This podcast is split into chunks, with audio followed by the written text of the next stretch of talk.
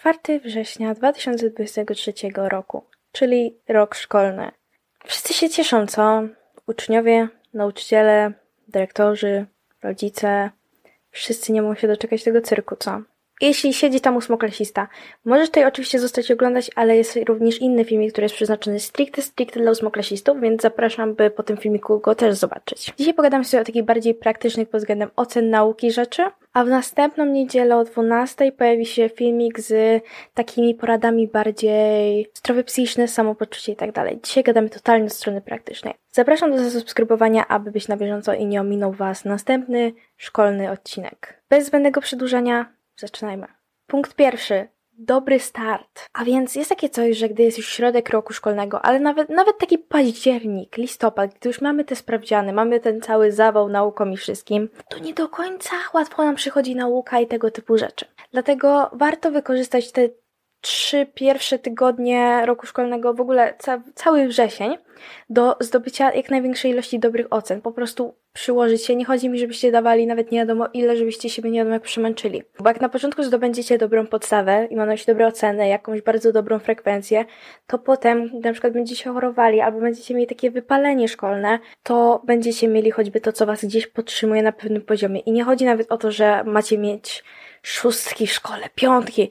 Chodzi o takie oceny, żeby potem jedynki wam mniej na to wpływały. Bo nie ukrywajmy, ja osobiście jestem zdania, że chodzi o przygotowanie do matury, czy egzaminu zawodowego, czy cokolwiek macie, plus żeby zdać. Nie mówię tutaj nawet o piątkach, szóstkach, ale nawet jak z przedmiotu normalnie dostajecie same jedynki, dwójki, a macie okazję zdobyć trójkę za jakąś dodatkową rzecz, za oddanie pracy domowej, czy jakiś cokolwiek, zdobywajcie. Punkt drugi, czyli priorytety. Trzeba ustalić sobie, jakie przedmioty. Nie musicie nawet tego, wiecie, zapisywać nigdzie, chociaż to mogłoby pomóc, ale nawet warto mieć to ustalone w swojej głowie, czyli po prostu priorytety. Który przedmiot jest dla mnie najważniejszy? Na przykład najprostszym przykładem będzie w liceum, jeśli jakieś przedmioty są Twoim rozszerzeniem i masz zamiaru z nich pisać po prostu maturę, to wtedy się przeważnie przykładamy. Na przykład przedmioty, które Wam odejdą, nie są najprawdopodobniej dla Was ważne. W priorytetach ważne, żeby dodać przedmiot, który po prostu ledwo zdajecie. Tak ledwo, ledwo. Bo warto mieć do niego po prostu, zwracać na niego bardziej uwagę niż na te przeciętne przedmioty. Nawet jeśli nie piszecie z tego matury, możecie się zastanawiać po co, po co komu te priorytety.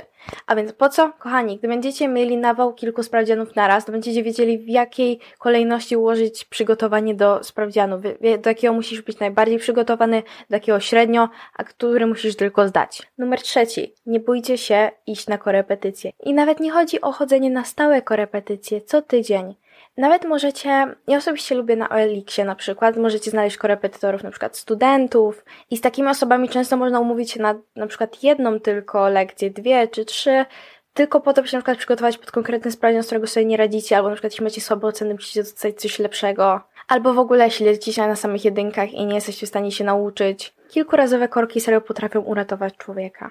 Więc nie bójcie się, możecie zawsze ustalić co sobą, że potrzebujecie tylko tych kilku lekcji, by wrócić na po prostu odpowiedni tor, bo często nawet gdy długo byliśmy chorzy i potrzebujemy już czegoś nadrobić, nie ma problemu. Nie ma problemu. Musicie zapisywać się na stałe korki, to nie jest po prostu wybór w jedną stronę. Numer cztery. Pogadamy sobie teraz bardziej o rzeczach związanych z nauką, metodami nauki. Wiele z nas robi tak, że po prostu ucząc się przygląda podręcznik w jedną i w drugą i ma takie, okej, okay, przeczytałem, wiem. I co potem? Przeważnie nie wiemy, kiedy przychodzi co do czego. Warto się zastanowić, w jakiej formie będziemy coś zdawać, czyli czy jest to pisemnie, czy jest to ustnie i tak dalej. Jeśli jest to ustnie i na przykład macie odpowiadać z jakichś definicji, z jakichś roczników, z czegokolwiek, poproście kogoś w domu, nie wiem, rodzeństwo albo koleżankę z klasy nawet na przerwie, by po prostu was przepytała, tak jakby to zrobił nauczyciel. I wtedy wiecie tak naprawdę najwięcej o tym, ile wiecie i, i tak dalej. W domu możecie robić tak, że na przykład wszystko wyłączać, przygotować sobie kilka pytań, które mogłyby się teoretycznie pojawić na sprawdzianie, albo jakieś po prostu zadania z waszego podręcznika, zrobicie na surowo, bez telefonu, bez laptopa, bez niczego, dopiero po tam skończeniu zobaczycie, jakie macie błędy, jakich nie macie i tak dalej. Tak będzie najskuteczniej. Bo czytanie podręcznika w jedną drugą serię nie daje tak dużo. Może się Wam sprawdzać, nie mówię, że nie, ale mi się bardziej coś takiego sprawdza. To nie musi się Wam sprawdzić, tak jak mówiłam, bo każdemu pasuje inna metoda nauczania. Więc warto jest spróbować. Możecie gdzieś poczytać o różnych metodach, czyli mogą to być takie sposoby skojarzeń, albo na przykład możecie jakieś quizy sobie robić na internecie, możecie po prostu czytać na głos, cokolwiek, próbujcie wszystkiego, wszystkiego, bo gdy już znajdziecie tę taką metodę, która wam daje najlepsze efekty z wszystkich, i tutaj punkt szósty. Ja ogólnie bardzo polecam filmiki Study With Me. To jest coś takiego, że jakaś osoba ma przeważnie timer i po prostu siedzi w bibliotece, w kawiarni, w domu, z deszczem w tle, z lofi muzyką w tle i tak dalej, z najróżniejsze rzeczy. I jakby pracując z nimi, jest mi osobiście łatwiej. Bo jakby podniosę wzrok z nad zeszytu i widzę, jak oni pracują i, i tak mnie to trochę motywuje. Ale również to study with me można wziąć do wyższego poziomu, co ja praktykowałam z koleżanką, że zwaniałyśmy się tam chyba na Discordzie czy gdzieś i miałyśmy ustalone sobie 25 minut teraz, uczymy się, jesteśmy wyciszone, nie gadamy i potem mamy przerwę. Chciałabym powiedzieć, że 5 minut, ale wiadomo, jak to się nieraz przedłuża, taka rozmowa. Ale najważniejsze, by utrzymać tam jakiś balans, żeby ta nauka dalej była, bo jednak jakoś to taka mentalna blokada wtedy jest przed skończeniem nauki. Nie wiem, nie wiem, czy też tak macie, ale ja tak mam. Numer 7. Lista do zrobienia slash planer. A więc warto mieć coś w stylu kalendarzyka. Może być on w telefonie, może być on w aplikacji, może być on w notatkach, może być on w dzienniku, może być on z tyłu zeszytu, który używacie do wszystkiego. Gdzie macie oznaczone, jakie są sprawdziany w danych tygodniach, plus na kiedy musicie przynieść jakieś prace i kiedy są inne ważniejsze rzeczy w szkole. I to jest jedna strona, to jest planowanie większych wydarzeń i po prostu zwracanie uwagi na to, żeby być z nimi na bieżąco. Ale jest również druga strona, czyli listy do zrobienia i to chodzi o to, żebyście mieli na przykład, ja lubię mieć na telefonie i mam mam wtedy również na e, ekranie blokady i na tym drugim ekranie. I wtedy widzę, jakie mam rzeczy do zrobienia i o tym nie zapominam. I to są takie rzeczy, jak na przykład zrobić tę pracę domową, zanieść jakąś zgodę na wycieczkę, tego typu rzeczy. Cokolwiek tak właściwie, co macie po prostu do zrobienia. Punkt ósmy zeszyt do wszystkiego. I wiem, że to jest banalne. Wiecie, warto mieć ważniejsze przedmioty osobno i tak dalej, ale nieważne po prostu, co się nie dzieje, warto mieć jeden zeszyt w plecaku, który jest taki po prostu wszystkim. Kiedy zapomnicie zeszytu do innego przedmiotu, macie go.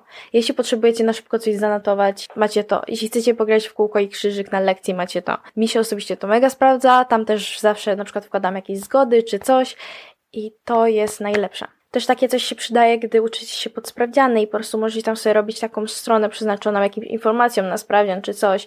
Wiem, że dużo z Was może nie mieć zeszytów do tych przedmiotów, których nie rozszerzacie i to jest zrozumiałe. Dlatego na przykład ja nie rozszerzam historii, a załóżmy na sprawdzian z historii i chcę sobie rozpisać daty, to mam to właśnie miejsce. Oczywiście mam zeszyt do historii, Punkt dziewiąty, sprawdzaj średnią co jakiś czas. I nie chodzi mi, że musisz sprawdzać wszystkie przedmioty, w ogóle łączyć je, mieć średnią arytmetyczną z przedmiotów, tylko jak macie te przedmioty, z których macie słabsze oceny, to sprawdźcie tę średnią co jakiś czas. I tutaj dochodzi do tego, że jeśli macie przedmiot, z którego macie ogólnie na przykład taką średnią dwa coś, trzy coś i wiecie, że na przykład nie rozumiecie materiału i teraz pytanie, czy możecie sobie pozwolić na jedynkę.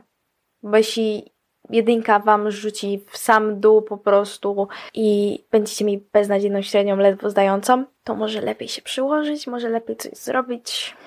I co jakiś czas obliczcie sobie, czy jakby jaką ocenę musicie dostać sprawdzianu, by na przykład być cały czas na tej stabilnej sytuacji, gdzie zdajecie i tego typu rzeczy. To bardzo pomaga. To też właśnie bardzo pomaga z tym ustaleniem priorytetów. Podpunkt dziesiąty. Tutaj Wam rzucę propozycjami kilku aplikacji, które mogą Wam pomóc, ale jest ich o wiele, wiele więcej i do poszczególnych przedmiotów. Tu są takie dość ogólne, ale nie do końca. A więc pierwsza rzecz to jest aplikacja Photomap. Myślę, że każdy to zna. Ale chciałam zaznaczyć, bo może ktoś z Was jest młodszy i może nie używał, może nie do końca o tym wie.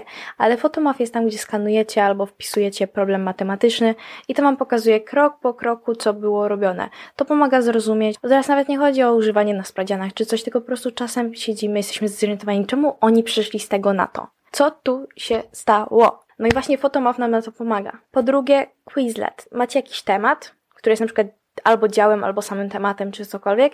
I możecie wtedy robić różne takie powtórkowe rzeczy, jak na przykład flashcards, Jezu, jak to się nazywało. No w skrócie macie karteczkę, czy coś, akurat tutaj jest taka wirtualna karteczka, po jednej stronie, stronie na przykład macie rok, a po drugiej coś w tym roku wydarzyło. I to jest coś takiego do pytania samego siebie i tak dalej, ale są również, gdzie wpisujecie na czas jakieś słowa i tak dalej, gdzie możecie robić cały sprawdzian i to wam pokazuje, co umiecie dobrze, co nie do końca, a co w ogóle nie.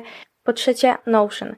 Notion myślę, że sporo z Was może znać, ale to jest używane nie tylko do nauki, to jest używane praktycznie do wszystkiego. Ludzie serio korzystają z tego na wiele sposobów. W skrócie, macie swoje takie strony i możecie w nich zrobić tak na przykład, że macie swoją stronę główną i możecie mieć tam kalendarze, tabelki, listy do zrobienia, możecie mieć to wszystko ślicznie zrobione, możecie znaleźć już gotowe szablony i tak dalej, więc polecam spróbować. 4. Planty. Ale w skrócie chodzi o aplikację, która po prostu odmierza Wam czas tego, ile się uczycie, w sensie ustawiacie na przykład 25 minut i zostajecie na różne sposoby za to wynagradzani, na przykład właśnie drzewka rosną czy coś i tego typu rzeczy. I wtedy też macie fajnie statystyki tego, ile spędziliście nad nauką przeważnie. Punkt piąty. Chat GPT. GPT? GPT? No, wiadomo o co chodzi. Po prostu chodzi o jakąkolwiek sztuczną inteligencję, jaką tam znajdziecie, z którą możecie sobie pisać i dowiadywać się od niej. Jeśli nie rozumiecie jakiegoś tematu, możecie poprosić właśnie tą sztuczną inteligencję, żeby wam wytłumaczyła, albo jeśli nie wiecie, jak coś w słowa ułożyć, albo jeśli zapominacie różnicę pomiędzy czymś a czymś. Często jest tak, tym bardziej, gdy jesteście na rozszerzeniu z jakiegoś przedmiotu, że niektóre rzeczy w ogóle trudno znaleźć w internecie, nawet gdy się staracie. Dlatego takiej informacji warto nieraz zasięgnąć od takiej sztucznej inteligencji. Wiadomo, trzeba brać pod uwagę jakiś margines błędów w tym, co ta sztuczna inteligencja mówi, ale Ogólnie myślę, że Wam się sprawdzi. W tym odcinku to na tyle. Zapraszam następną niedzielę po więcej porad szkolnych i życzę Wam z całego serca dobrego roku szkolnego albo chociażby stabilnego. Dziękuję za oglądanie. Buziaki, pa!